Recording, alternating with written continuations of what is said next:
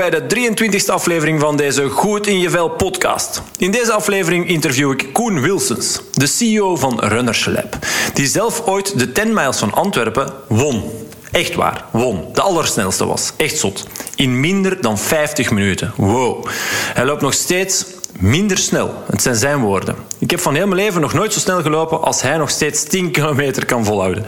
Ik nog geen halve kilometer, denk ik. Maar goed. Alleen maar respect voor de volharding, het doorzettingsvermogen. Chapeau. Die dedication legt Koen trouwens ook aan de dag in het leiden van het bedrijf waaraan hij sinds 2009 aan het hoofd staat. Runners Lab. Toen 12 werknemers, ondertussen 45. Dus ja, dan doe je het goed. Dus genoeg gesprekstof om over te tetteren. En dat het weer een inspirerend gesprek werd. Laat maar komen. Hier het interview met Koen Wilsons. Ah ja, nog kort even dit. Ik mag 10 kortingsbonnen van Runnerslab weggeven. Heb jij hierin interesse? Surf dan even naar www.wordfit.be-rl. RL van Runnerslab. Enjoy!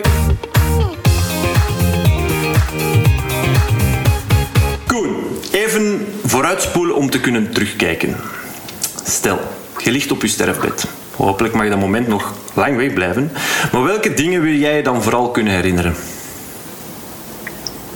Goh, dat, ik, uh, dat is een goede vraag. Dat is geen gemakkelijke vraag meteen. Nee. Uh, ik wil vooral mij kunnen herinneren dat ik, uh, ja, dat ik een goed leven heb gehad en dat ik uh, andere mensen heb, met andere mensen dingen heb kunnen beleven.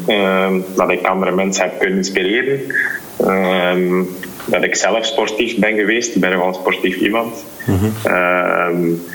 en dat ik ja, naar mijn kinderen toe uh, iets kunnen overdragen heb dat ze kunnen meenemen voor de rest van hun leven. Mhm. Ik denk dat dat uh, een beetje de kern zal zijn. Oké, ja, ja, ik denk dat dat voor, voor vele mensen herkenbaar is. Hè. Dat dat, dat, dat uh, voor mensen die nadenken over wat, wat is er belangrijk in het leven voor mij, dat je dan al snel bij dat soort dingen mm -hmm. uitkomt. Ja. ik vind het interessant. je zegt dat ik kan terugkijken en dat ik een goed leven heb gehad. Wat mag dan een goed leven zijn voor Koen Wilsons? Ja, in mijn geval uh, veel dingen beleefd hebben. Uh, zowel op sportief vlak uh, als op gezins- en uh, vriendschapsvlak, denk ik. Mm -hmm. ik sport heel graag, ik ben heel competitief. Dat kan ik natuurlijk niet meer op mijn leeftijd niet meer altijd nog waarmaken. Mm -hmm. um, maar ik, ja, ik probeer zoveel mogelijk uh, nog dingen te doen die ik altijd zo heb willen doen. En, en, ja, dan gewoon, gewoon leven eigenlijk. Hè. Niet, te veel, niet te veel blijven stilstaan bij de dingen en gewoon vooral springen. Uh, ik denk dat veel mensen misschien soms niet durven springen omdat ze bang hebben voor het onbekende of bang, bang hebben om te falen of bang mm -hmm. hebben om, weet niet, nog van alle dingen, maar ik ja? ben nogal een springer. um, en ik hoop dat ik nog veel mag springen in mijn leven. Mhm. Uh, maar ik heb al veel gesprongen. Ja, en ik ja. vind het wel belangrijk om dat te blijven doen, denk ik. -hmm. Oké, ik ga daar er zijn heel veel interessante dingen waar ik het nog heel graag met jou over ga hebben, zo dadelijk. Maar voor degenen die jou niet kennen, Koen Wilsons. Wie is Koen Wilsons? Ik ben uh, zaakvoerder van uh, dus ik ben al een twaalftal jaar zaakvoerder van Runnerslab. ik heb de zaak overgenomen van mijn ouders en verder gezet en een beetje uitgebreid. Um, ik ben papa van twee kindjes. ik ben heel sportief iemand. altijd op, op redelijk hoog niveau gelopen vroeger in het verleden. Um, dus altijd atletiek gedaan. En nu nog altijd een actief loper.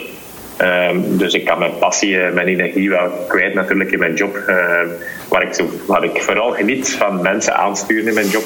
Want ik denk dat uh, ik ben ja, zaakvoerder van 45 mensen ondertussen. Mm -hmm. uh, dus dat is toch wel belangrijk dat je ja, goed met die mensen kan bezig zijn. En dat je die ook kan motiveren en, en, om, om ja, het beste te halen voor jouw klanten.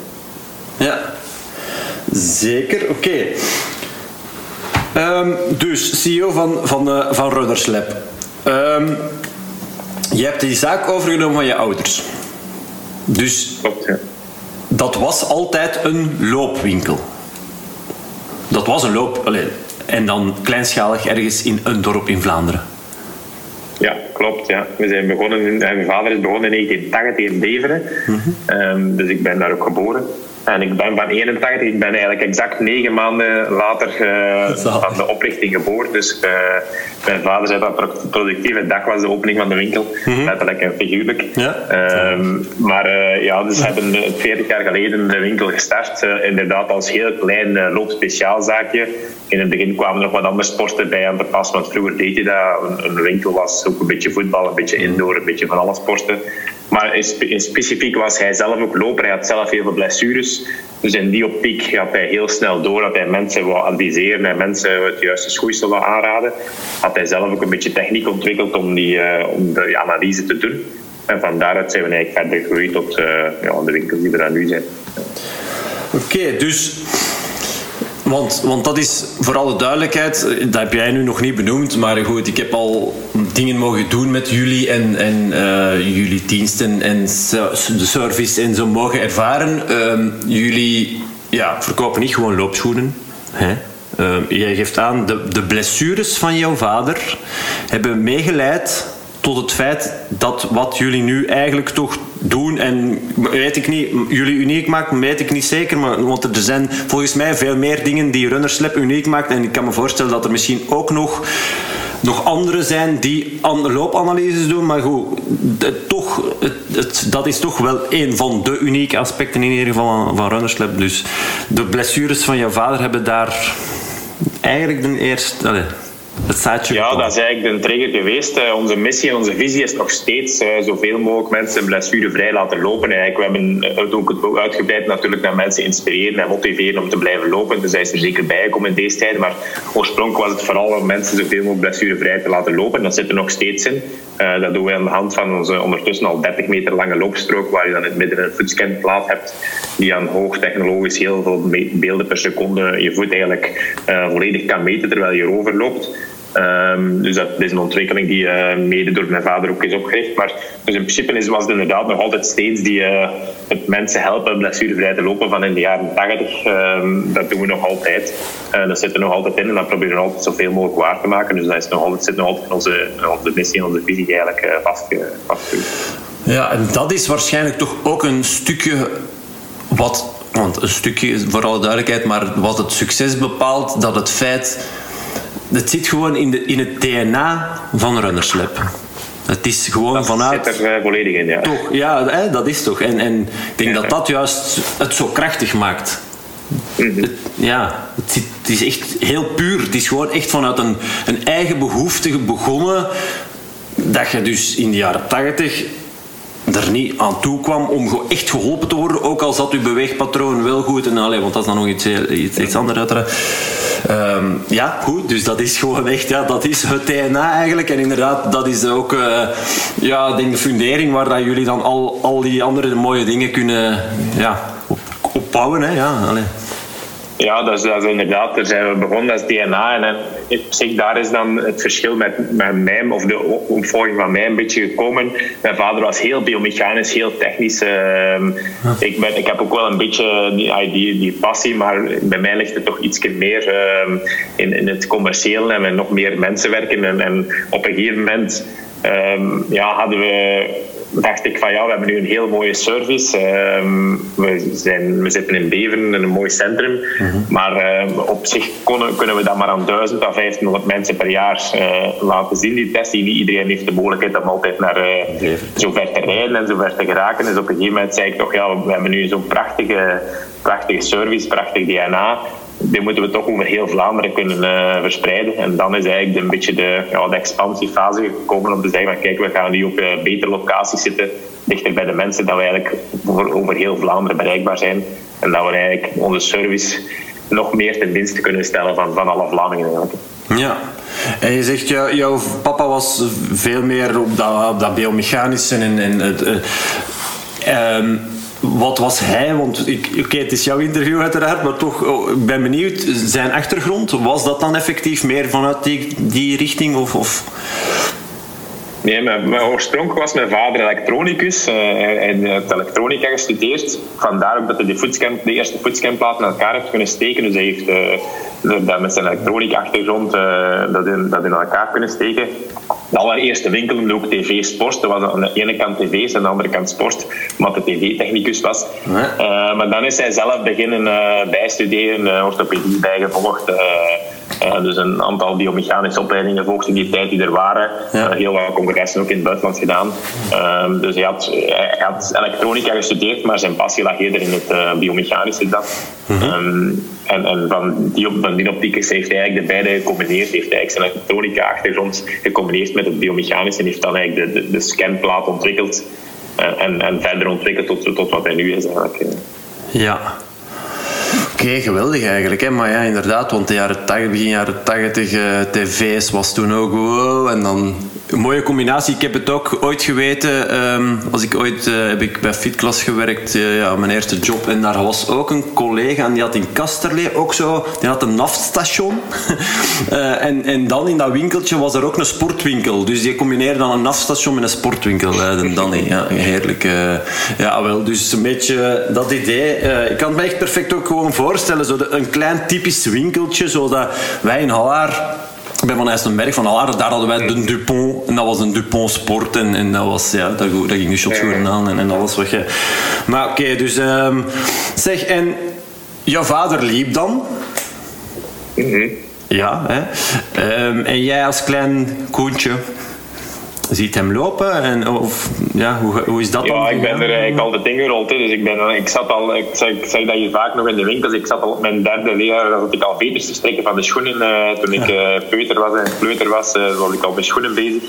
Dat ik, vroeger, vroeger kwamen de schoenen ook ongeveterd binnen. Mensen weten dat niet, mensen beseffen dat nu niet meer, maar nu komen alle schoenen geveterd binnen, maar vroeger kwamen ze ongeveterd binnen moesten die allemaal manueel uh, veter voor veter erin steken. Oh, dus dat was een job voor mij toen ik heel klein was. Dus dat deed ik wel. Dus vaker werd ik ingeschakeld. Uh, en ja, mijn vader liep altijd. Ik zag die altijd lopen. Uh, dus dan ben ik ook al, al vrij vroeg, ik op mijn zeven jaar met Altiek begonnen. We hadden een, plaatselijke Altiekclub die vlakbij was. Mm -hmm. Dus ja, daar heb ik al heel snel ook de passie van Altiek en het lopen uh, ontdekt. Ja. Um, en bleek dat ik dat ook nog niet zo slecht kon. Dus dan is er meer motivatie om te blijven doen natuurlijk. Ja. Uh, dus ja, dan, dan rol je van het een en het ander natuurlijk. Uh, ja, het wordt altijd maar meer en meer. Ja. Oké, ja, logisch. Ja, dat, dat, groeit. Uh, maar je zegt, dan bleek dat ik dat niet slecht kon. Voor even, want we hebben het nu, en ik wil er zeker nog wat verder op ingaan, op uh, jou als, als ambitieuze persoon en, het, het uh, commerciële en, en runnerslap en zo. Maar goed, je begint op je zeven jaar met atletiek. Logisch, want ik, je, ziet je vader lopen, je gaat gewoon mee. Oké, dus dat... Um, bleek dat ik dat niet slecht kon.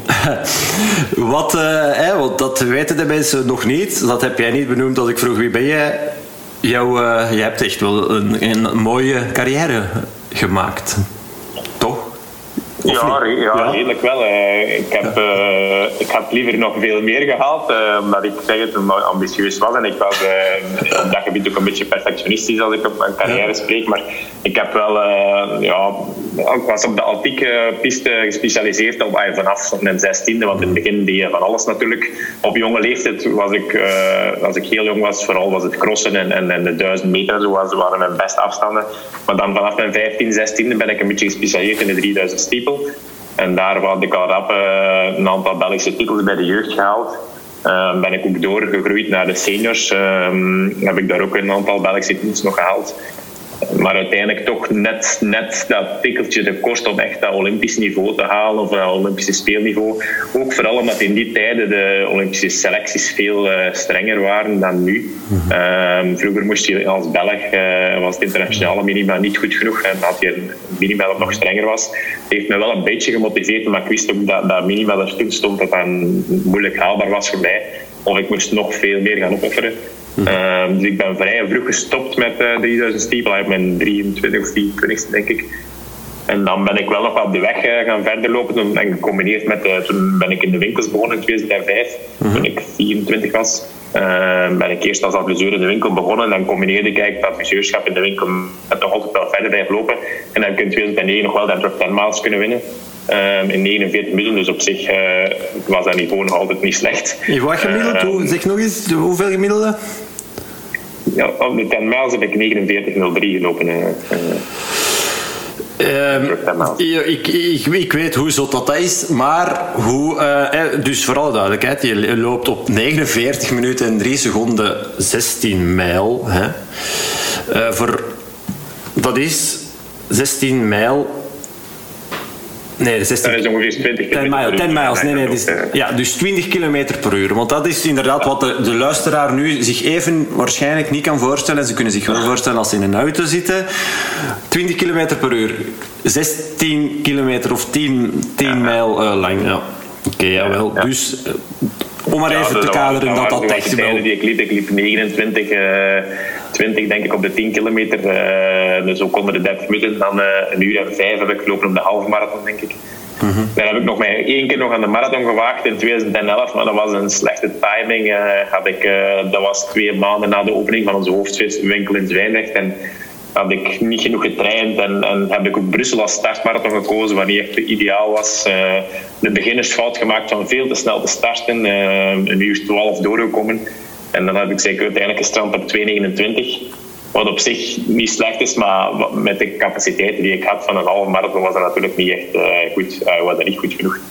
Maar ik had het toen, ja, dat was niet echt mijn afstand. Marathon was net iets te ver voor mij. Uh, dus ik, bij mij een halve marathon was eigenlijk zo wel het maximum. Om echt heel, op heel hoog niveau te lopen. Dus ik heb dan achteraf mij niet meer gewaagd. Ah, ik heb nog wel eens uh, gehaast voor iemand door de marathon 2,48, maar dat was dan meer met plezier. Ja. niet meer voor de eigen prestatie. Uh, maar ik heb me daarachter niet meer gewaagd voor een echte marathon. Nee, en, en, dus je hebt twee marathons in je leven gelopen op dit moment, of wat? Of, ja, ja, ja, ja. De ene keer er eigenlijk zelf voor toch nog zo eens zien wat dat daarna te halen valt. Uh, dat sloeg dan tegen. Hoe, hoe ga je, want hoe ga jij dan om met dat slag dan tegen? Allee, want, want hey, inderdaad, je geeft nu nog altijd, je kijkt erop terug en je denkt, oké, okay, een, een, uur en vijf op de halve marathon en dan je staat dan aan de marathon. Ja, dat is niet altijd gewoon mal twee uiteraard. Dus maar, nee, nee, nee, dat, ja, hè, voor de mensen die niet zo in het lopen thuis zijn, uh, om dat even te kaderen. Dus dat is niet dat je dan zegt, oh ja, dan, uh, dan doen we twee uur en tien. Dat is, hè, maar wat was, je staat dan aan de start van de marathon. Wat was u, weet je dat nog? Ja, je weet dat ongetwijfeld. Uh, dat moet ik niet vragen. Dat is 2,29 ja. ben je geëindigd, maar wat was het eigenlijke doel? Weet het, doel, het, doel, het eerste doel was, was eigenlijk het record van mijn vader breken. Die had 2,26 gelopen. Oké. Okay. Uh, dus ik heb het niet gehaald, dus dat, dat, dat moet ik nog altijd horen natuurlijk. Mm -hmm. uh, dus dat is een nadeel. Maar dat was het eerste doel, maar ik was eigenlijk vertrokken voor 2,24. Omdat ik had aan de tempo's die ik kon, ja. die ik gelopen had, dacht ik dat ik dat wel aankon. En ja, wel een parcours wel onderschat ook, denk ik. Uh, het is niet echt vlak in Brussel. Uh, ik kwam ook veel te snel, echt aan de 10 kilometer veel te snel door. Want ik denk dat ik op 32 minuten ben doorgekomen. Uh, dus veel te snel op 10 kilometer. Omdat ik, ja, ik er, was niet zo heel veel, er waren niet zo heel veel lopers in Brussel op dat niveau natuurlijk. Dus ik had, mij vorige, ik had afgesproken met een andere Belg en die zei, ja, ik ga, die zei ik ga 2,22 lopen, ik ga 2,24 lopen. Dus ik zei oké, okay, ik ga mee met hem. Maar die liep dus ook veel te snel, maar ik was ondertussen aan het meelopen. En ja, je komt dan door naar de 10 kilometer en dan wist ik al van oei, dat gaat hier, uh, dat gaat hier tegen. Van een halve marathon had ik al, al lastig, uur 12. Ja. En dan, ja, dan kun je nog wel eens met al twee rekenen, maar dan, dan voelde ik van ja, dat gaat hier niet goed komen. Dan moet je nog uh, daar in Brussel achter het vuur lopen, want dan, dan, begint, ja, ja. Maar dan begint het pas uurvlachtig te worden. Dus ja, dan, en ik had ook het geluk, op zich achteraf gezien, had ik geluk dat ik een fietsbegeleider bij mij had. Uh, dat was een vader van, een, van iemand die bij ons werkte. Want als die er niet bij had gehad, had ik denk ik ook nooit aan de finish geraakt. Nee. Denk ik, want dan, dat was, ik was echt gedemotiveerd ja, ja. omdat ik zo hard stil viel. Uh, maar die heeft mij eigenlijk uh, gemotiveerd om te blijven doorgaan. En dan uiteindelijk zei ik, ja, ik ga nog onder de 32 geraken, dat is dan toch nog iets. Uh, dus al bij al, ja, ze zeggen ook altijd dat de eerste marathon eigenlijk om te, om te acclimatiseren is. Uh, ja. zeg maar. Ik zeg dat tegen iedereen, of ik zeg dat tegen iedereen, maar om het zelf toe te passen op jezelf, is dat dan meestal toch iets anders. Dus dat, ja, ja, zeker. Maar goed, ik, ik, ik heb er zelf vooral duidelijkheid ook maar één gelopen. En ik, ik moet ook... Uh, goed, je loopt je dan wel uit, maar, maar ik snap wel de fietser naast u. Ik had toen... Ik heb de mens nooit meer teruggezien, want dat was ook uh, voor... Dus dat ik zelf denk, ze nog niet op Facebook, of 2013 denk ik, in Istanbul. Vooral, eh, was in Istanbul. Ehm, met een Italiaan, denk ik, of zo. Die laatste kilometers en echt elkaar moeten zeggen... Jawel, we gaan dit toch doen, weet je wel. Uh, dus dus ik, ik allee, en dat is dan op een heel ander, uh, ander, uh, ander niveau, hè, voor alle duidelijkheid. ik loop, loop, een marathon, ik heb de ene marathon op 3.30, dus dat is 12 km per uur, wat, dat, wat ik op zich vrede mee heb. Ja, allee, ik bedoel, weet maakt, maakt niet zo heel veel uit. Ehm, maar ik snap, ja goed, dus die fietser, die, want anders had je gewoon toch. Ja, ja, dat is wat je zegt. Ik denk, denk het wel, ja. Ik denk dat ik uh, ja, aan, aan kilometers 37 stond mijn auto. Ja, dat was toen op het parcours. was toen eigenlijk de start. Uh, ja. Je moest dan nog naar de markt, de grote markt, ah, ja. maar je startte aan de, aan de start van het van Brussel daar. En, uh, aan de. Uh, wat is dat park daar? Dat park daar. Onder de boog daar startte je. Dus, en, en daar in de buurt stond mijn auto, maar de, de finish was dus nog twee kilometer of drie kilometer verder. Dus ik dacht ook van ja, ik kan beter daar even uh, langs de kant gaan staan en, en rustig stilletjes aan uh, naar de auto gaan. Uh, maar ja, dus dat is, het mentaal is daarin belangrijk. En, en als je alleen bent, is dat zeker vooral omdat de teleurstelling zo groot was. Op, op zich, het was niet per se het opgeven van ik wil er niet geraken. Het was vooral, ik had iets in mijn hoofd, ik had een tijd in mijn hoofd. Als je, dat gaat je niet lukken dan denk je veel te snel van, ja, eigenlijk, je mag dat niet doen, maar je doet wel van, oké, wat gaan de mensen denken, welke tijd heb ik gelopen, wat ga ik van mezelf denken als ik die tijd heb lopen. Ja, ja. Dan begint uh, ja, ja, mentaal te draaien. En dat is niet goed natuurlijk. Je moet eigenlijk altijd proberen verder te zitten. Maar ja, dat is niet helemaal. elke sport, lopen is een mentale sport, maar elke sport is een beetje een mentale sport. Uiteraard. Maar zeker, ja, ook lopen. En, en, dat kan heel positief zijn, denk ik. Omdat het feit dat mentaal, allez, lopen een mentale sport is. En dat kan dus echt, dat kan voor mij betekenen, één, goed, ge je kunt echt wel tot rust, alleen mentaal, dat kan echt goed doen. Bijvoorbeeld, als ik nu voor mezelf echt gewoon eens een turk ga lopen, het kopje echt bij wel ja, leeg of net niet. Hè, dat, dat kan echt gewoon heel productief ook zijn, dat je met goede ideeën uh, terug thuis komt of, of gewoon heel voldaan en dat kopje even, al is maar even een paar minuutjes uh, leeg is geweest. Dus dat sowieso. Maar goed, in dit geval, als het echt over competitief lopen met een doel, je, je werkt daar echt naartoe, maanden dan is dat logisch, denk ik, dat, dat het moment dat je voor jezelf, want achteraf is dat makkelijker gezegd, maar op die moment voelt dat aan als falen. Dan moeten we, dat is gewoon zo.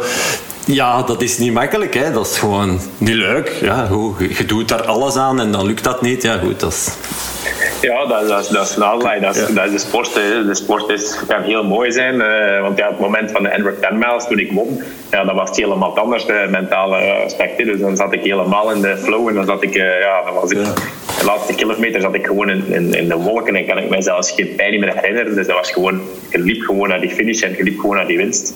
Mhm. Dus dat is, dat is een, een, van de mooiste momenten die ik dan beleefd heb. Er staat dan 20, 30.000 man aan de kant. Ja, ja. ja, dat, is, dat is het meest fantastische natuurlijk. En dan is het mentaal weer helemaal tegenovergesteld. Want dan voel je geen pijn, dan voel je geen... Uh, dan heb je superveel energie en dan, dan kom je over de meet en dan lijkt het alsof je niet gelopen hebt terwijl je al inspanning hebt uh, gedaan uh, die, uh, ja, ja. die gezien wel heel, heel snel was. Ja, ja, ja. En kom je dan, want die laatste kilometer, als solo of, of nog in concurrentie strijdend met iemand anders? Hoe gaat dat? Ik kan me even niet voorstellen. Ja, Jij wel. Ja, dat was eigenlijk een fantastisch moment. we zijn, dat was de eerste, het eerste jaar, 2009, dat ze de Kennedy-tunnel doorgingen. Dus één, één richting de Kennedy-tunnel en ze kwamen dan terug via de, de of de Konijnenpijp, zoals we bij ons zeggen. Mhm. Ehm, en, en, we zijn met drie mensen, met drie man, drie lopers eigenlijk in de Konijnenpijp in Antwerpen ingegaan.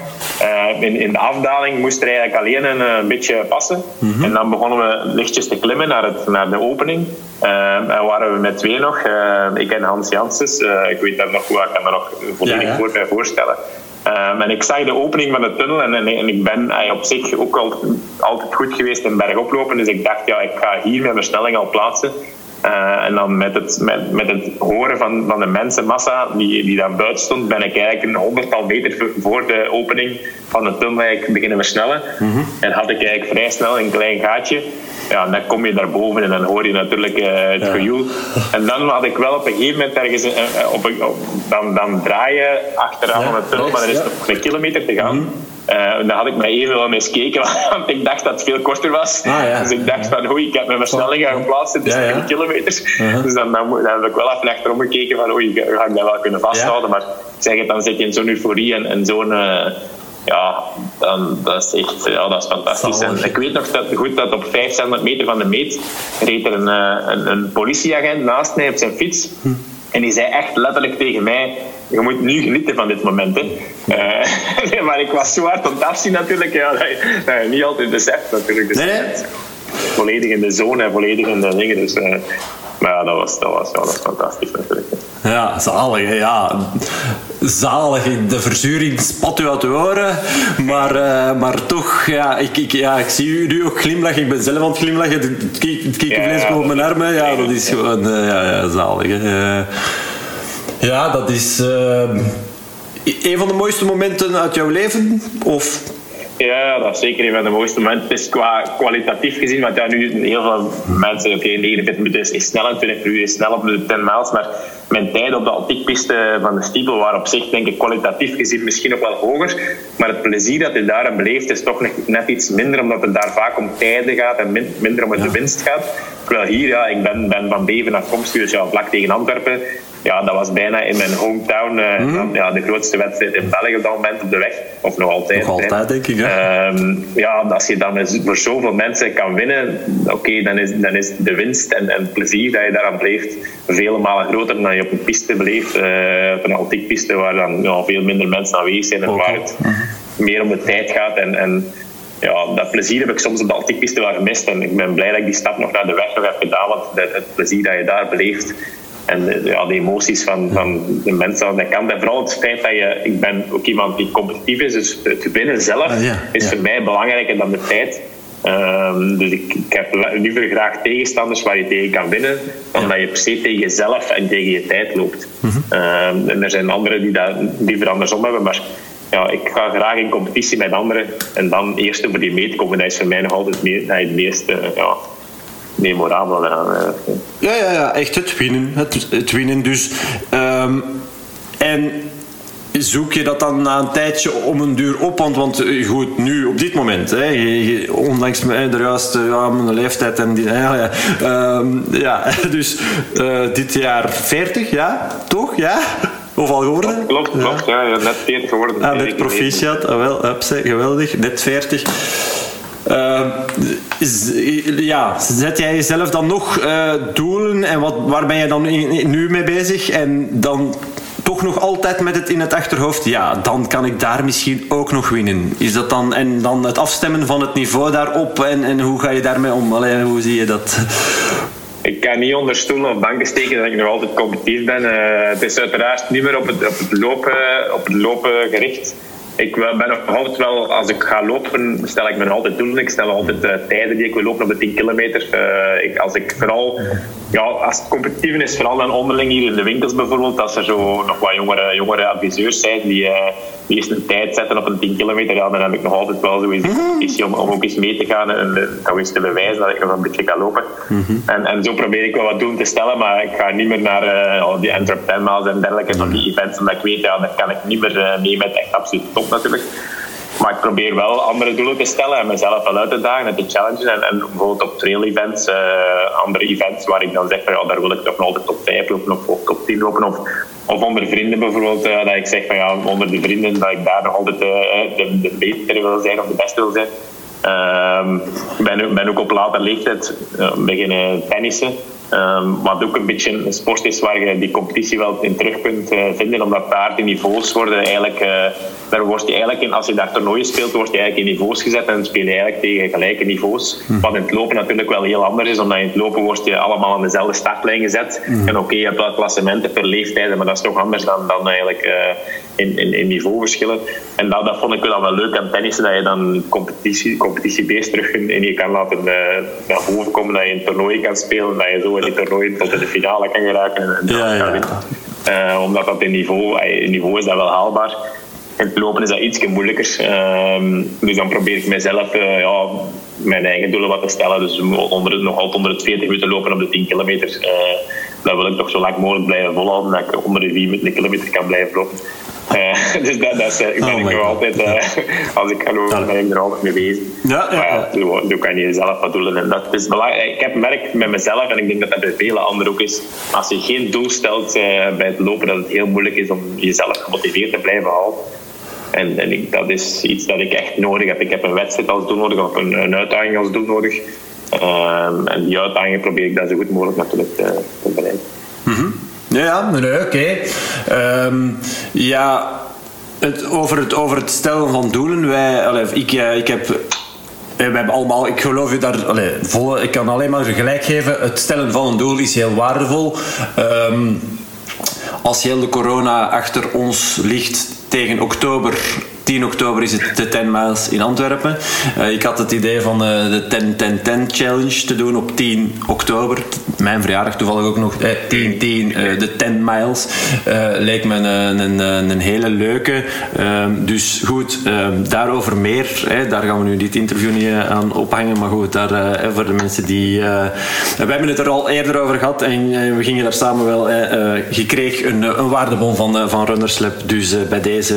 Allez, communicatie volgt nog. Nee, nee. Maar goed, dus...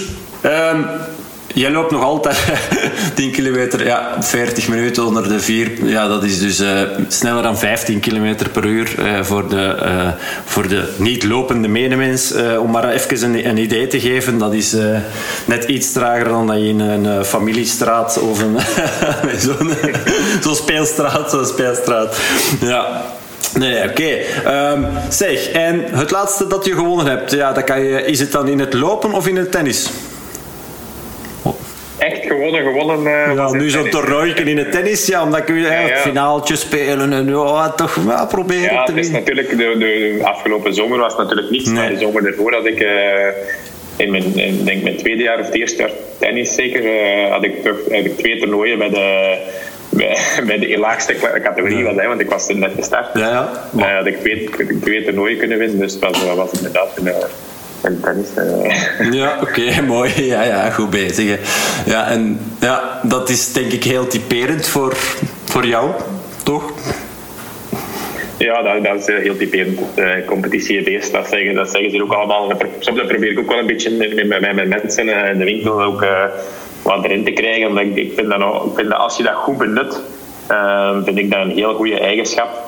Uh, je mag natuurlijk niet te veel gefocust zijn op het, op het winnen en je moet uh, tevreden kunnen terugkijken naar, op je prestatie. Mhm. Maar ik vind een beetje competitiedrang in alle um, gelederen van het leven, niet alleen in de sport, um, vind ik toch wel een, een, ja, een mooie eigenschap als je ze op een goede manier benut, denk ik. Mhm. Ja, zeker. En, en hoe zie je dat dan? Want oké, de sport. Dat zal u nooit volledig loslaten. En, maar dat winnen in de sport, dat is, hè, dat is minder. En je wordt ouder, dat is logisch. Dat, dat, hè. Maar dan in het, het, het, ja, de zakenwereld. Koen Wilsons als, uh, als CEO van Runnerslab.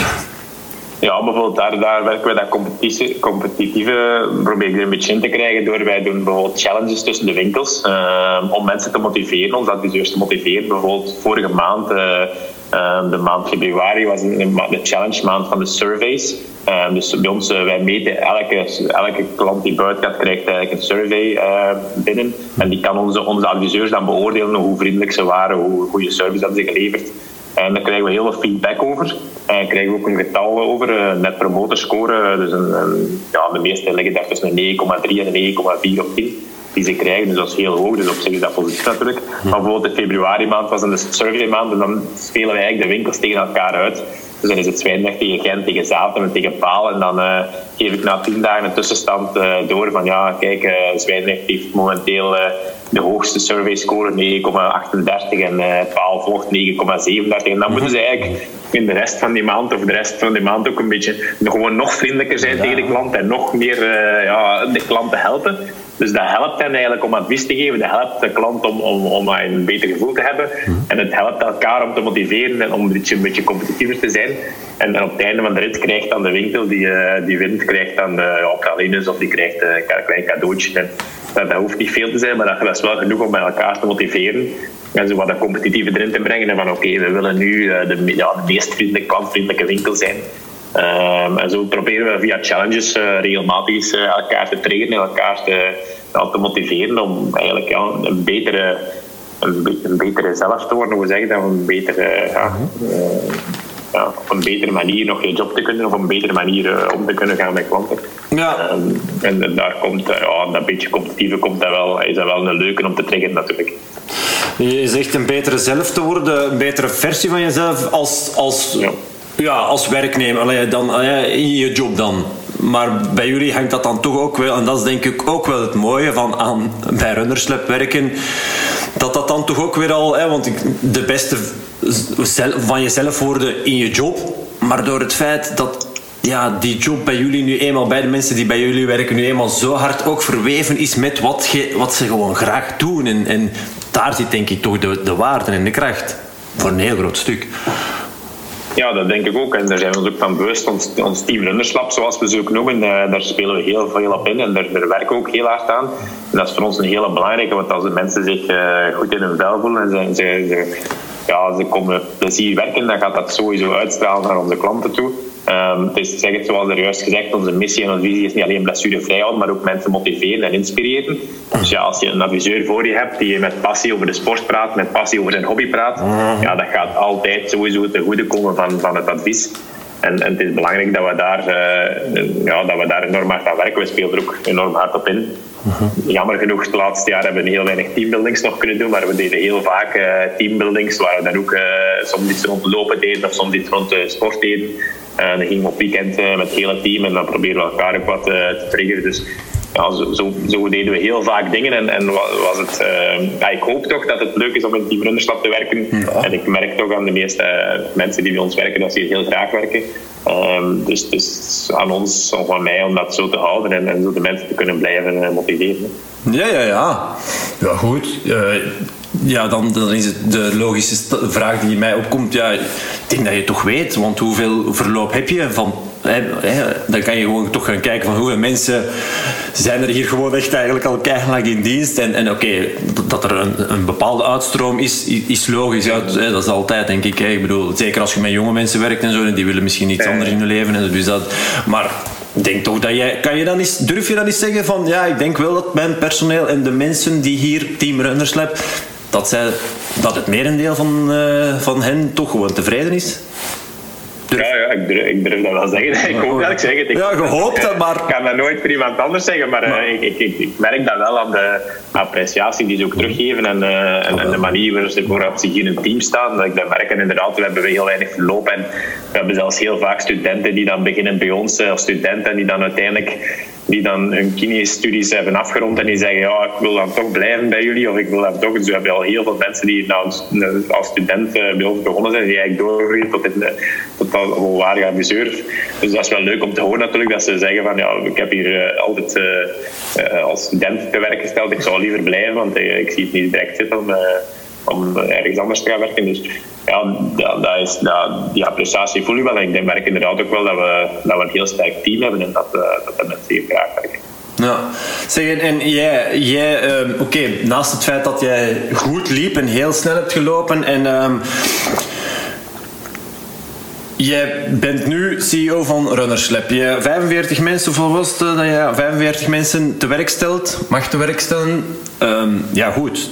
Oké, het is van thuis uit hè, begonnen, het idee en het DNA, daar hebben we het over gehad. Maar ja, je wordt niet zomaar. Uh, ja, in jouw geval zou je. De mensen kunnen misschien zeggen: ja, maar ja, het is, is een schoot geworpen gekregen. En ja, dat is niet zo moeilijk.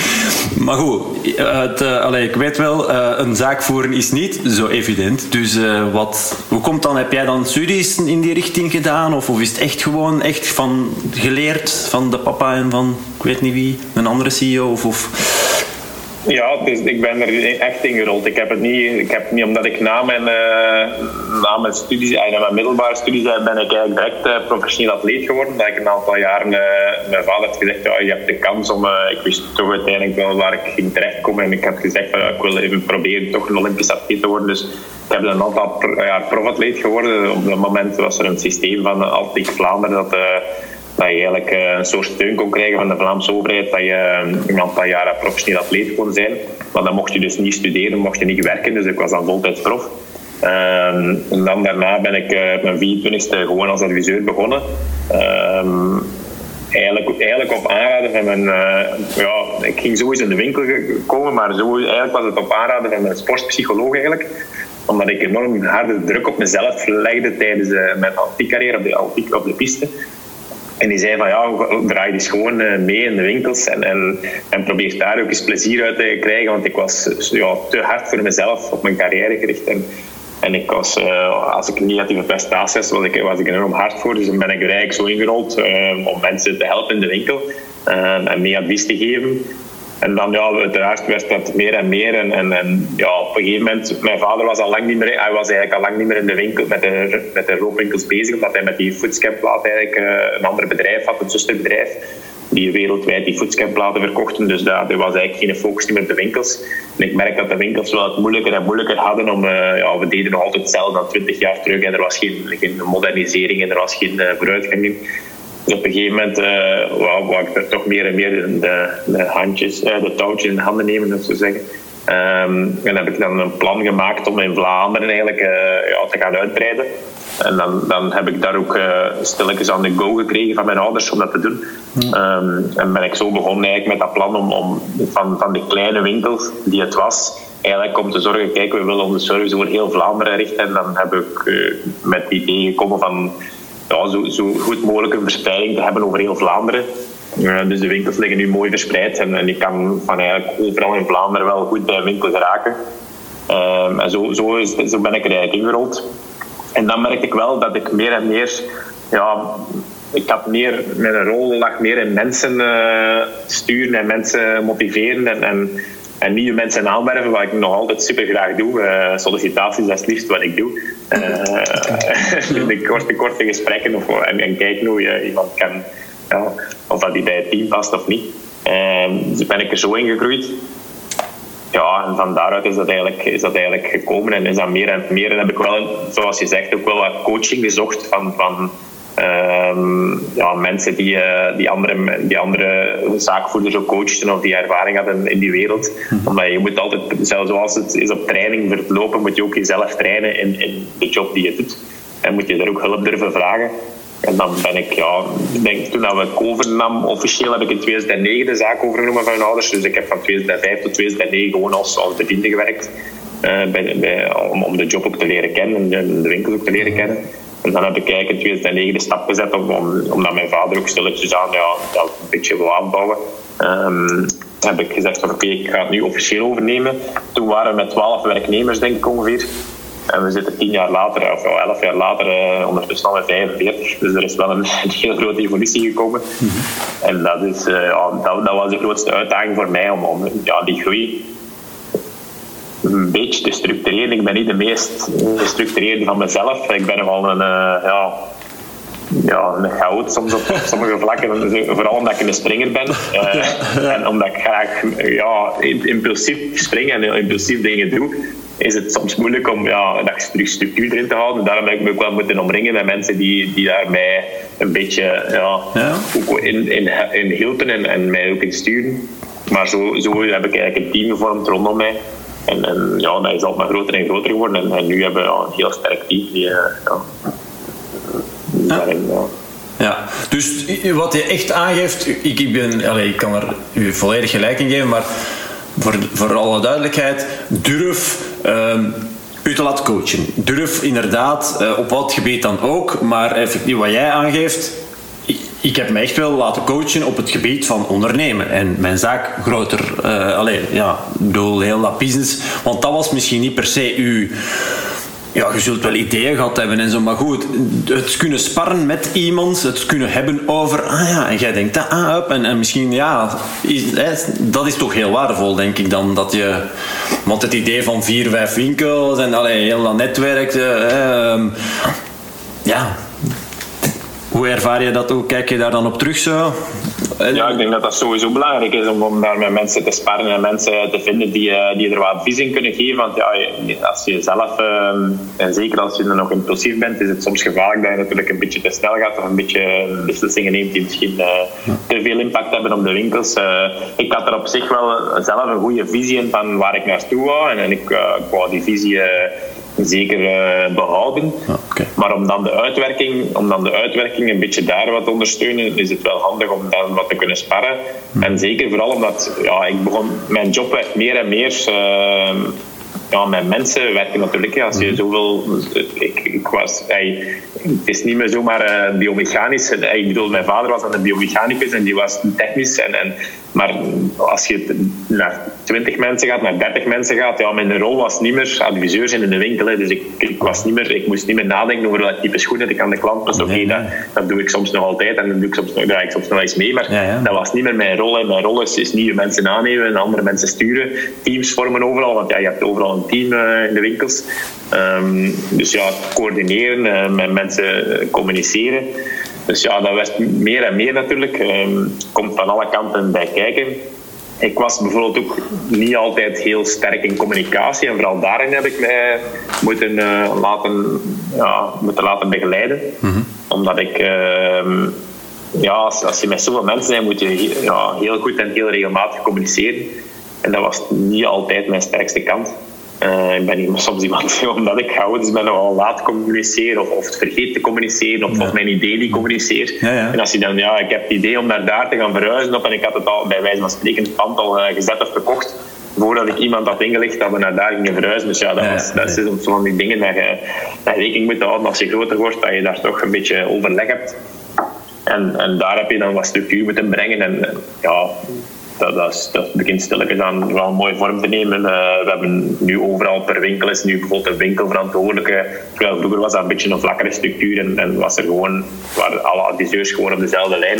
Heb ik gezegd, ja, ik kan niet meer overal altijd aanwezig zijn, dus ik moet eigenlijk een, een rechterhand hebben per winkel. Ja. Um, dan zijn een aantal jaren terug uh, de winkelverantwoordelijke bijgekomen en daar kan ik ook mee sparren, want ja, zij, zij zijn dan... Uh, um, de mensen waar ik eerst mee terecht kan als ik over een, een uitbreiding wil spreken of over, een, uh, over de missie of de visie nog wat uh, te gaan fine-tunen. Um, dus en zo moet je stilletjes aan ja, teams vormen en, en, mensen rondom je vormen. Die, die ervoor kunnen zorgen dat, uh, ja, dat alles mooi blijft draaien. Ja, ja, ja. Want, want je, je rolt dan eigenlijk ook in, in de functie van HR-manager om, om, uh, toch? Nu, misschien, nu heb je misschien uh, iemand die dat voor jou intern, hè? ik weet het niet. Ja, wat, je neemt nog altijd sollicitaties af, zeg je. Dus een van de leukste dingen die je. Dus dat, dat, je hebt het niet volledig uit de hand. Het is niet dat je hele HR binnen nee, Runners nee, nee, uh, dat, is, dat is nog zeker deels, deels van de job. En dat vind ik ook leuk. Dat is ook leuk. Of inderdaad, ik krijg daar een beetje inderdaad voor voor het, het papierwerkkant of de, de lonen in te boeken, bij wijze van spreken, daar, ja, krijg ik al wat en er is iemand al uit handen genomen. Maar vaak het, ja, het HR-beleid is nog vaak inderdaad uh, bij mij. Ja. Uh, sommigen zeggen dat ik dat ook niet kan blijven volhouden, want ja, om een duur doe ik wel heel veel. maar het is, het is ja, dingen, ik wil ook niet alles uit handen geven en er zijn ook dingen die nog altijd heel leuk zijn. -huh. dus dan, dat, is, dat is ook wel ja, dingen die we behalen. Maar het beleid, dat is dan nog iets anders. Hè. Goed, jij die het HR-beleid doet en, en ja, goed, het overkoepelende en, en uh, dat, dat is nog iets anders dan inderdaad alle lonen inboeken. En, en, en ik denk dat het heel waardevol is en dat het heel krachtig is juist dat jij zegt ik vind, het, ik, ik vind het gewoon heel leuk. Dat is denk ik gewoon heel waardevol. Weet je, want anders zou het gewoon helemaal... Je kunt ook het solliciteren uit handen geven door uw winkelverantwoordelijke bijvoorbeeld. Of, allee, het zal misschien samen gebeuren, maar... maar uh, Snap je? Je zou iets zeggen, als je het niet leuk zou vinden, ik geef dat altijd aan mijn cliënten als advies, probeer zoveel mogelijk dingen te doen die je leuk vindt. Hè? Ja, want daar krijg je weer energie ja. van. En, allee, ja, allee, dat is... Ja, toch? Dat, dat is net zoals dat dingen doen die werken en dingen die, die niet werken, ja, stop ermee. Hè? Ja, allee, dat, is, dat, is, dat is een beetje hetzelfde. Allee, dat is een beetje in dezelfde dingen. En wat, wat is er dan nog dat je zegt, oké, okay, dat vind ik leuk. Wat vind jij dan nog heel leuk aan jouw job als CEO? Um, ja, leuk. Ik zeg het leukste vind ik met, met, echt met de mensen werken en, en vooral zien hoe dat anderen groeien. Eigenlijk. Dat vind, vind ik het leukste aan mijn job. Ik heb heel veel mensen die uh, hier begonnen zijn al jaren geleden of al jaren terug en die je ziet evolueren en die ziet uh, ja, groeien en groeien. En, en dat is eigenlijk het leukste, dat je, zo, dat je op een gegeven moment kan terugkijken naar mij. Uh, die persoon die komt van, van daar en, en die was een beetje ingetogen en was een beetje gesloten en nu is die volledig opengebloeid en, en is die echt uh, is die supergoed in de groep. Um, doet die supergoeie dingen. Ja, zo van die, van die momenten vind ik het allermooiste als we evaluaties doen, um, wat we regelmatig doen en, en je kan dan terugkijken naar iemand zijn evolutie. En, en ja, dat, is, dat, is, dat, vind ik, dat vind ik het, aller, het allermooiste, het allerleukste. Omdat je dan ja, toch een beetje ja, bijgedragen hebt aan, aan, het, uh, ja, aan, het evolutieproces, of ja. zeggen dat van iemand. Ja, ja. Um, en als dat een positieve is, dan is dat superleuk. Dus dat, dat, dat, tuurlijk. Het is leuk om succesverhalen te zien. Gewoon. En mee, ja, want dat is wat je aangaf ook. Van, ik stel jou de vraag, wat wil je op je sterrenbed kunnen herinneren? Ja, dat ik veel heb mogen kunnen beleven dit is gewoon, dit zijn belevenissen. Hè? Ik denk toch, hè, uw weg die je hebt afgelegd, uh, die carrière, dan dat doorgroeien naar, naar uw functie naar, die je nu hebt, dat combineren van al die taken. Um, maar dan inderdaad, ja, zie, weten voor u. Ik vind het waar, daarom dat ik, het, uh, dat ik de vraag stelde, ik vind het waardevol dat je dat voor jezelf wel weet en kunt benoemen van wat dat je dan echt zo leuk vindt aan die job en dan, dan dat, dat ik u hoor zeggen, ja, mensen zien groeien. En, en, en die beleven, ik denk dat dat voor u ook die belevenis is van dat zien en dat dat, allee, dat, dat het zo mooi maakt. Ja, klopt, klopt. Ja. Zeg, en wat dingen kunnen beleven. Hè? Uh, je hebt al heel veel beleefd in je leven, maar als je dan uh, dat sterfbed mag... Hè? Dingen, wat wil, wat wil jij nog kunnen beleven? Want je zit uh, misschien bijna in de helft van je leven, ik weet het niet, we zullen zien, dan mogen we nooit hard roepen. En, ja, hè, dat is, maar het zal moeten blijken. Maar, maar goed, de tweede helft van jouw leven. Of, alleen, bij wijze van spreken. Hè? Ja, ik, ik, ik ben niet iemand die zo per se... Uh, nee, in op dat gebied lijkt me niet per se doelen op, op, op omdat ik vind dat je... Dat is vaak, uh, in dat geval vaak teleurstelling. Ik probeer... Uh, te genieten van de dingen die ik op korte termijn kan doen. En, en, en altijd dan altijd nieuwe doelen stellen. Maar ik heb niet zoiets van dat moet ik per se gedaan hebben. Uh, ik kijk gewoon, ik probeer altijd terug te kijken. Ja, positief terug te kijken op hetgeen wat je gedaan hebt en er gewoon van te genieten. Want je kan alles uh, op een positieve manier of alles op een negatieve manier bekijken. En ik, ik, probeer altijd te zeggen tegen de mensen dat je, je moet streven naar 100%, maar je moet tevreden zijn met 80% achteraf omdat de meeste mensen die uh, streven naar 100%, dat was een mooie eigenschap, omdat je natuurlijk competitief bent, je, bent, uh, je wilt hoger scoren, maar je moet dan, als je iets bereikt hebt, altijd terugkijken van 80% is voldoende of 90% is voldoende, omdat je, kan nooit, je gaat nooit tevreden zijn als je per se ook die 100% wilt gehaald hebben, want niemand kan dat. Niemand dat is gewoon onhaalbaar. En, en dat is ook een, een, mentaliteit die ik hier ook wel een beetje wil inbouwen, want ja, ik merk dat er ook wel heel veel ja, perfectionisten werken bij ons. En, en dat, is, is een goede eigenschap op sommige gebieden, maar soms merk ik dat wel merk ik wel als ze dan tegen hun grenzen aanlopen of als ze te veel hooi op hun vork nemen. Mhm. En dan is het aan mij om te zeggen van ja, let op, je bent, je bent hier te ver aan het gaan. En, en en oké, okay, dat, is, dat is soms op een gegeven moment, zolang als ze het kunnen blijven volgen, de goede van de zaak. Maar op een gegeven moment zie je ook dat is niet, dat is ten koste van zichzelf. Mm en, en daar zei ik altijd van, leer nu gewoon eens, eens terug te kijken van dat het goed was. En, en dan zeiden ze altijd van, ja, maar ik vond dat niet goed. En ik zeg, ja, maar ik, ik vind het wel goed genoeg wat je gedaan hebt. En, en ik, ik moet uiteindelijk toch ik moet jouw job oordelen. Dus als ik vind dat het goed genoeg is, waarom ben je dan zelf niet tevreden? En dat is vaak dat ik soms mis met mensen die zeggen: ja, ik, ben, ik niet tevreden. Ik zeg, maar je hebt het toch supergoed gedaan. En dat probeer ik wel bij mezelf ook te passen. Ook al is dat bij jezelf soms moeilijker, omdat ja, tegen anderen kan ik dat veel makkelijker zeggen dan tegen jezelf. Maar ik probeer dat wel meer en meer toe te passen, van je terugkijken. En, dat, dat, ik, dat heb ik bijvoorbeeld vooral geleerd op mijn topsportcarrière. Daar was ik veel te hard voor mezelf en daar heb ik volgens mij kansen laten liggen doordat ik te hard was. Omdat je op, een gegeven moment ben ik dat verlammend. En als je ziet, ja, de beste, als je ziet, de beste voorbeelden zijn nu zo'n Mathieu van der Poel, die uh, ja, zonder zorgen uh, door het peloton rijdt en die er eigenlijk gewoon gaat. En, en je merkt dat hij gewoon plezier heeft en dat hij gewoon ja, daar geen of minder druk op zichzelf legt. Dat zal af en toe nog wel doen. Maar, en, en gewoon tevreden is met wat hij heeft en tevreden is met wat hij uh, terugkijkt op wat hij gedaan heeft. En ik denk dat dat vooral belangrijk is. En daarom wil ik ook niet per se zeggen van ik wil dit en dat nog bereiken. Uh, ik wil vooral ja, nog, nog een aantal leuke dingen doen. En ik zal gewoon ja, hopelijk positief terugkijken naar de dingen die ik gedaan heb. Gewoon. Ja, en dan kun je dus kleine dingetjes zijn die jullie gewoon al organiseren, die jij, dat je eens naar de bergen kunt trekken en daar eens gaan lopen? Want ja, dat weet ik, maar jij loopt ook in de bergen, dat hebben we eigenlijk nog niet, niet gezegd. Ehm, of, of inderdaad teambuilding met, met, de, met het hele team. want dan is dat eigenlijk toch zo'n teambuilding met team Rudderslap is gewoon eigenlijk een benamd trainingsweekend. Of is het dan toch ook daarnaast uh, saufen en, uh, en, ja, en, en, alle hens al... Alle. bij, dat mag ik misschien niet op antenne zeggen, ah. dat, gaat soms, dat gaat soms volledig los. Ja, toch wel. Wij hebben, ja. wij hebben niks nodig. Wij hebben een zaaltje nodig, één box en, ja, en een beetje drank. En, dat, en dan zie je echt iedereen met elkaar dansen. En uh, ik had het er eergisteren nog over, over de laatste teambuilding. Ik was in Frankrijk en dat was echt, ja, echt een, leslokaaltje waar niks was. gewoon een, ene box en, en, zelfs een gsm aan die box gewoon gehangen en muziek liggen draaien op Spotify. En iedereen was echt met elkaar aan het dansen uh, en, en tot dingen. Maar overdag proberen we wel vaak inderdaad iets, iets competitiefs te doen. Het is geen per se trainingsweekend, maar we proberen altijd wel iets leuks te doen, iets competitiefs te doen en, en het teams een beetje tegen elkaar op te zetten, zodat we toch wel ja, de, de sfeer in een beetje competitie inbrengen. Dus dat, dat, dat, is, dat hoort er wel bij. Maar uh, langs de andere kant is het ook wel ontspannen. Uh, dus, dus het is een combinatie van beide.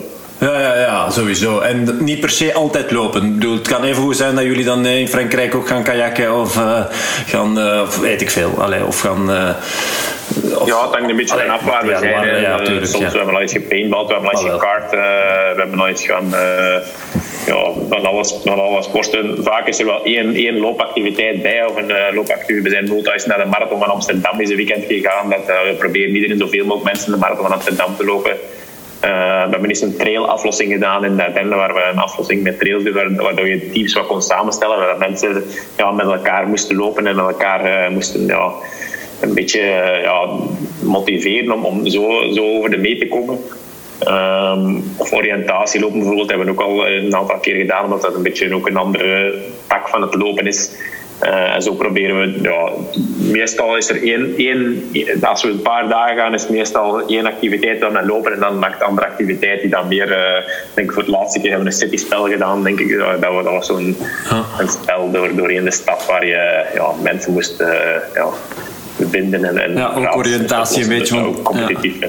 Want jullie, vooral, eh, dat weet ik dan ook weer al, jullie hebben intern ook uh, toch een eh, van jullie werknemers is een van de beste oriëntatielopers ter wereld. Of van Europa, van ter wereld. Of wereldkampioen. Ja, ter wereld. Uh, ja. Yannick Michiels is ja. ja, nu nummer 1 op de wereldranking in de sprint.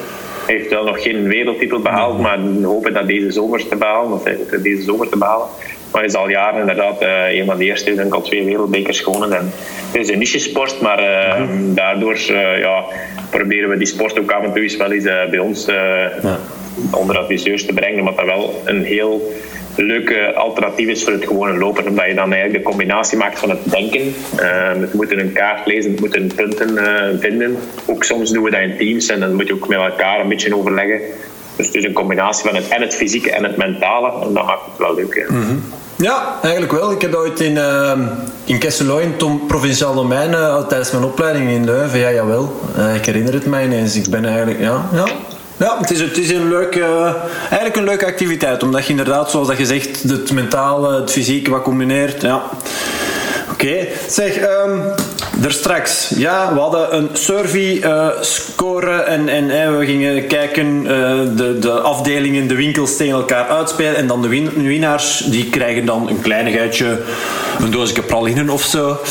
Um, ja, wat, ik heb het gehoord. De luisteraar dacht misschien ook, oh, pralinen in de lopenswinkel, is dat dan wel gezond? Zo, zijn de, zo zijn de mensen nog heel vaak. Ja, maar dat is toch niet gezond? Ik denk altijd, man, allez, ja, goed. Ik, ik maak die, dat onderscheid niet echt per se van ongezond of gezond, maar alles met, met mate. En dus, wat is jouw idee? Praline, af en toe is een goede praline en een stukje chocolade. Ja, dat, moet, dat moet zeker kunnen. Uh, ik denk, ik ben iemand die daar, daar ook uh, vooral naar het mentale kijkt. Ook, uh, ik, ben, ik denk als je genoeg sport, genoeg loopt en heb je genoeg fysieke activiteit om, om een aantal calorieën te verbranden. En dan mag het zeker geen uh, kwaad kunnen om af en toe eens uh, te zondigen. zondigen. Ik noem dat zelfs niet, eigenlijk moet je dat zelfs niet zondigen. Nee, wel. Je moet dat gewoon doen. Dat is gewoon plezant. Ah, je hoeft het niet te doen. Hè. Nee, nee. Je moet het ook niet per se gaan doen. Maar als je het lekker vindt en je vindt het leuk, moet je dat gewoon doen. Net zoals af en toe eens een biertje of af en toe eens wat wijn. dat moet altijd kunnen. Ik denk als je alles in mate doet en, en je houdt het in, in een globale gezonde voedingcyclus, dan denk ik dat dat totaal geen probleem is. En, en je merkt dat ook bij ons, dat, dat, is, uh, ja, dat, is gewoon, dat is gewoon leuk. En dat is gewoon af en toe eens uh, Nikken. Dat, hoeft, dat staat er ook geen twee dagen, want dat zijn ze op natuurlijk. Ja, ja. En dus dat is meestal uh, geregeerd. Ja. Uh, maar ook bij verjaardagen of bij, bij feestjes, ja, dan, komen, komen er altijd uh, koffiedoeken op tafel. Of, of dan worden er wel eens taartjes meegebracht. En ja, dat hoort er gewoon bij. En dat is gewoon, dat is, ik vind dat gewoon heel belangrijk voor het mentaal aspect. Dat je, en ik merk dat heel vaak bij, bij sporters die, die daar niet te veel mee bezig zijn, dat die vaak mentaal sterker staan dan, dan de sporters die daar te veel mee bezig zijn. Want ik heb al vaak een, ja, daar een negatief effect op gezien dat mensen die te gefocust zijn op hun voeding en die dan blessures krijgen of, slechtere prestaties. En, en ja, dus dat is, dat is toch iets dat um, vaak wordt onderschat. En daarom denk ik net hetzelfde. Je moet dat een beetje loslaten. Je moet dat gewoon, ja, je moet niet dat je gezond moet leven. Je moet gezond leven, maar je moet dat moeten gewoon dat loslaten en vooral niet in je hoofd steken dat dat dan slecht is. Nee, gewoon niet, niet mee inzetten, gewoon doen en, en, en gewoon laten gaan. En, ja, ja, minder, wat ik zeg, minder denken in gezond en ongezond, maar gewoon lekker en niet lekker. En algeheel een gezonde levensstijl. Als jij op, durven naar een week kijken, naar een maand kijken. Hè. Wat, eet, wat, en, en calorieën, maar gewoon zonder ze te willen gaan tellen. Maar, maar de enige manier om, om op gewicht te blijven is evenveel verbruiken dan, dan, dan dat je opneemt. Hè. Ja. En dan, ja, dus... Uh, Oké, okay, ja. Zeg je er straks, de Olympische Spelen die heb jij nooit gehaald. En, en hey, het kwam er even uit en juist dan zei je dan, ik ben profatleet geworden. Um, ik wou de Olympische Spelen halen. Dus dat is er dan nooit van gekomen. Is dat uh, iets... Hoe kijk je daarop terug?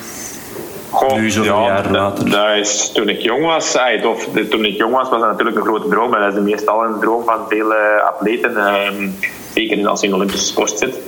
En Alpiek is dan ook de, Olympische sport uitstek. Dus ja, dat was een droom en daar heb ik wel lang naar teruggekeken als, als misschien wel wat falen. Ah, falen op zich niet, maar een gemiste kans misschien. Maar ja, het is ook wat het is. En, en uh, ik ben blij dat ik ondertussen uh, een aantal mensen heb in mijn team die het wel kunnen hebben behalen. Uh, ik denk nu zitten al, al vier Olympische of of drie of vier Zalig. Die de Spelen gehaald hebben. En, en ik ben super blij voor hun. En, en bijvoorbeeld, ja, Manuela heeft dat gehaald in 2016 in Rio. Um, en, en, dat waren, en ik ben blij dat bijvoorbeeld de, de minima toen uh, veel, ja, veel lager zijn gegaan. Want anders had, dat voor waarschijnlijk ook niet mogelijk geweest. En, en ik heb dan zeker niet het gevoel van, ja, had, ik dat maar gehad, had ik dat maar gehad. Nee, ik ben super blij voor, voor hun. En, en ja, die, mijn, tijd is gepasseerd. En ik had het zeker heel graag meegemaakt. Maar ja, uh, ik ben, ben ook een, een sportliefhebber en ik kan er even van genieten om ernaar te kijken. Ik, ben, ik kan er ook twee weken voor in de zeven kruipen, bij wijze van spreken, om, om te kijken. Ja. En even hard mee, meegaan uh, in, in het verhaal van een andere, of een Belgisch atleet of een ander atleet. Ja. Dan dat ik het zelf beleef. Dus op zich, ja, ja het, is, het is heel moeilijk. Het is moeilijk om er te geraken. Je moet dat is echt heel, zeker al pieken, moet je echt een heel hoog niveau hebben. Ja, dat is niet voor iedereen weggelegd. Hè. En, en ook, dan had ik ook misschien, misschien had ik het ook wel gehaald als ik blijven, blijven uh, ja, gaan had. Ik zeg dat ik mijn 24 gestopt als ik nu tot 35 bij wijze van spreken had blijven in mijn carrière bouwen. Maar langs de andere kant had ik dan superveel kansen moeten laten liggen in de winkels. Uh, want dan had ik tien jaar later misschien maar aan deze job begonnen. Mm-hmm. Ja, dan had ik ook nu uh, niet gestaan op de plaats waar ik nu sta. Dus ja, dan, dat zijn dan andere kansen die dan laat liggen. Dus op zich ja, het een maakt plaats voor het ander, denk ik altijd. En, en je moet openstaan voor de kansen die je krijgt. En, en, vooral genieten van de kansen die je krijgt en, en daar, uh, daar vooral op terugkijken. Ja. Openstaan en genieten. Allee, openstaan voor en genieten van de kansen die je krijgt. Ik denk dat dat uh, een hele waardevolle is. En uh, ja, um, Alright, ja. Um, maar, dus ja, goed. Ik denk dat je dat inderdaad, wat dat jij aangeeft, als je één ook weet, de limieten lagen toen heel hoog en onze Belgische limieten. Had, had je wel gekwalificeerd geweest als je gewoon aan de, Olymp, allee, aan de internationale of, of Voor de, de, de internationale limiet was denk ik nu de laatste keer in, in Rio was 8,32 mm dacht ik. Uh, en ik liep 8,35. Dus ja, ik zat daar heel dichtbij. Um, ik weet niet wat toen in 2004, toen ik uh, mijn record liep, of dat toen ook 8,32 was, of 8,33 of 8,34. Maar het zal sinds rond die tijd geweest Ja, die, die een aantal seconden denk ik dat wel, dat er nog wel af konden. Maar bijvoorbeeld bij ons was het toen 8,17 of zoiets, of 8,18. Ja, dat, zijn, dat was natuurlijk dat was nog eens een verschil van, van 20 seconden bijna. Dat, dat, kon ik, dat wist ik dat ik dat niet kon. Ay, dat was gewoon te, te hoog gegrepen. Um, dus dat wist ik dat ik niet haalbaar was. Als dat nog een paar seconden had geweest, dan had dat misschien wel kunnen. Dus ik denk als je ja, als het 8, 32, 8, 33 is, je loopt 8, 35, ja, dan, dan had dat natuurlijk wel nog wel kunnen. Maar ja, ik, ik, heb, ik heb er nooit meer van wakker gelegen. Dus dat zijn dingen die, daar kun je toch niet op terugkomen. En nee, is gepasseerd. Ik ben blij, ik ben blij wat ik gepresteerd heb. En ja, ja, ja. Uh, ja is niet zo. Ik denk ook gewoon een, wijze les uh, of, of tip voor de luisteraar focus je gewoon op de dingen die wel gelukt zijn en die wel goed gaan. Hè, want misschien, misschien had ik dit daarna nooit gewonnen, dus ja. Bijvoorbeeld, had ik misschien op de Spelen wel geweest en, en anoniem meegelopen. Want uiteindelijk op de Spelen kan je als Belg, of zeker in de antiekwereld, uh, op, mijn nummers, of de nummers die ik die op lang afstand, ja. in het Afrikaans geweld, uh, had ik toch waarschijnlijk anoniem in de race eruit geweest. Ja, oh, en dan had ik misschien niet de ternaals gewonnen. Dus ja, op zich, elke, elke, elke gemiste opportuniteit gemaakt kan, hij maakt plaats voor andere kansen. Ja. Um, en het is vooral, denk ik, eh, ja, kijken naar, naar, die kansen en vooral die kansen ook grijpen. Hè, want ja, die kansen passeren, dan moet je het ja, ja, ja. Nee, nee, nee, dat is mooi. Elke gemiste kans ja, opent weer al uh, openingen voor andere kansen. Ik denk, uh, ja, heel mooi. Nee, nee, um, want we, ik eens kijken, we zijn al meer dan een uur uh, weg. Ik weet ook niet hoeveel tijd dat jij hebt. Hè. We zullen maar stilletjes aan, want ik denk, ik heb het gevoel dat we nog wel, nog wel lang zouden kunnen doorgaan. Um, maar goed, um, is er iets dat ik jou niet gevraagd heb, maar dat je zegt, dat hadden mij moeten vragen, Vrij. Of dat zou ik u heel graag nog vertellen. Of mij, de luisteraar. Um...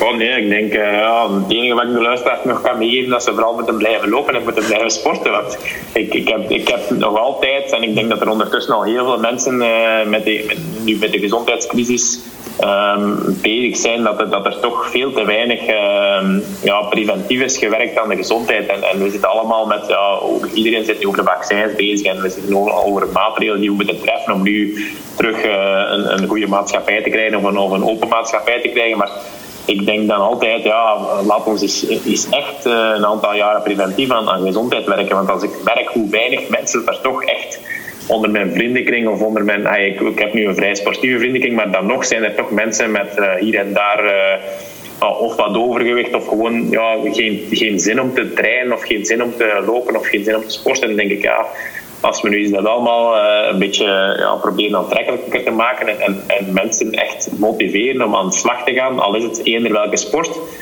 Want ik denk dat daar enorme kansen nog liggen voor de toekomst om, om, om daar echt ja, om gezonder te worden voor onszelf. En, en allemaal een sport te vinden die we graag doen. En, en dan dat toch te beoefenen op een manier dat we, er, dat we er beter van worden. Want ik denk dat zoals we nu bezig zijn, dat we dat, we dat niet gaan blijven volhouden.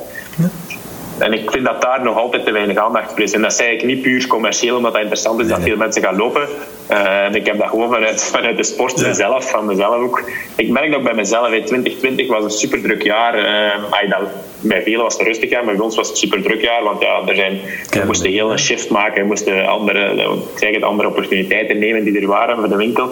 En ook voor mij persoonlijk, ja, dat, dat, dat is, je moet helemaal anders gaan denken. Dus als zaakvoerder is dat niet evident in zo'n jaar, dus dat was super druk. Ik heb ook heel weinig gelopen en ik voelde ook dat ik gewoon ja, echt mentaal en fysiek echt achteruit ging. En ik heb gewoon gezegd rond, rond nieuwjaar, de klassieke voornemens zoals iedereen, echt, ik moet in 2021 terug veel meer gaan lopen en veel meer tijd gaan maken om te sporten. Mhm. En je moet er ook tijd voor maken, want uiteindelijk is dat gewoon de mindset van, kijk, ik ga gewoon, al is het maar drie keer 40 minuten per week uh, sporten, dat is zoveel, uh, dat, dat is al, heeft al zoveel effect op een menselijk lichaam. Um, en niet alleen het fysieke, is zoals je zei, ook, ook vooral het mentale. En sindsdien, sinds 2021, ben ik super, veel meer terug gaan lopen. En ik merk dat dat veel beter is. Gewoon, je merkt dat je veel ja, energieker in je dag staat. Uh, dat je veel meer dingen aan kan. Dat je productiever bent. En ik zou daar gewoon aanraden aan iedereen, of je nu zaakvoerder bent of gewoon ergens, uh, ergens werkt of een job hebt die je graag doet, probeer af en toe tijd te maken om, om te gaan lopen of om te gaan sporten. En, en, denk een beetje aan jezelf en je gezondheid. En, en ik denk dat dat, dat een boodschap is die ik nog wel uh, wil meegeven. Want ik denk dat dat nog altijd, uh, je bent er constant mee bezig, maar ik denk dat dat nog altijd een onderbesneeuwde boodschap is in deze tijd. Uh, jammer genoeg. Maar, ja, ja, eigenlijk nog altijd wel. Maar dat is denk ik, ja goed, als ik dan even zo bekijk, dat is alleen maar goed nieuws voor ons dan. Want bedoel, dat betekent dat, dat er nog heel veel werk is en heel veel te doen is en veel potentieel ligt om dat alleen maar te verbeteren. En ik denk dat, dat zowel ik als jij uh, en, en, vele anderen proberen, we kunnen niet meer doen hè, dan ons steentje daarin te proberen bij te dragen. En, en goed. Um, ik denk dat dat waardevol is om, om dat ook te beseffen. Soms kun je ook niet meer doen dan dat je doet. Hè. Ik bedoel, uh, jij doet wat, wat jij doet en, en, je doet dat goed. En ik probeer dat ook zo goed mogelijk te doen wat ik doe. En, en, en hoe meer van zo'n mensen die er zijn die iets met hart en ziel proberen zo goed mogelijk te doen. En, en dan, ja goed, dan, dan ja, ja, meer kunnen we. Allee, dat is gewoon soms het ding. Hè. Probeer gewoon wat dat je doet zo goed mogelijk te doen. En dan komt weer dat plezier daarbij, uiteraard, waar we het er straks over hebben. Als je dan iets kunt doen dat je graag doet, ja, goed. En ja, dus dan is de cirkel misschien een beetje rond. Uh, right, heerlijk, uh, geweldig.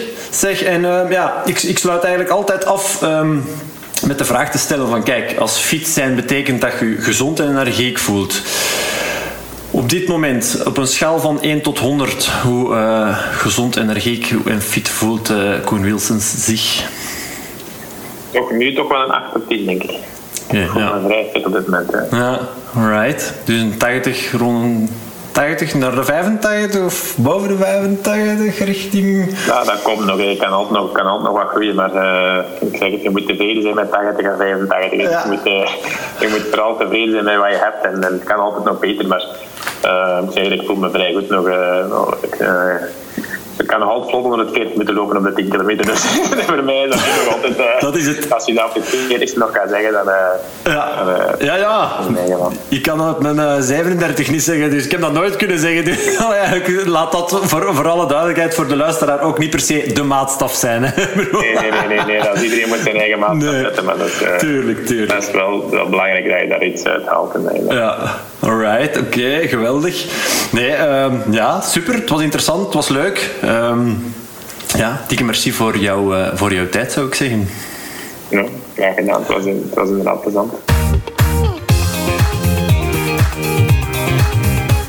Hupsakee, dat was hij weer al. Interessant. Wil jij kortingsbonnen van Runnerslab winnen? Laat dan even van je horen via www.wordfit.be-rl. Wie weet word jij dan binnenkort de gelukkige winnaar van een van de 10 kortingsbonnen die ik mag wegschenken. Oh yeah. In de volgende aflevering interview ik Louise Carton. Louise is een hardloopster, ex-hardloopster, die ervoor uitkomt om uh, ja, een eetstoornis te hebben. En uh, ja, ook dat werd weer een heel boeiend gesprek. Ik zou zeggen, laat je inspireren, geniet, leef en adem lang uit. Tot de volgende. Bye.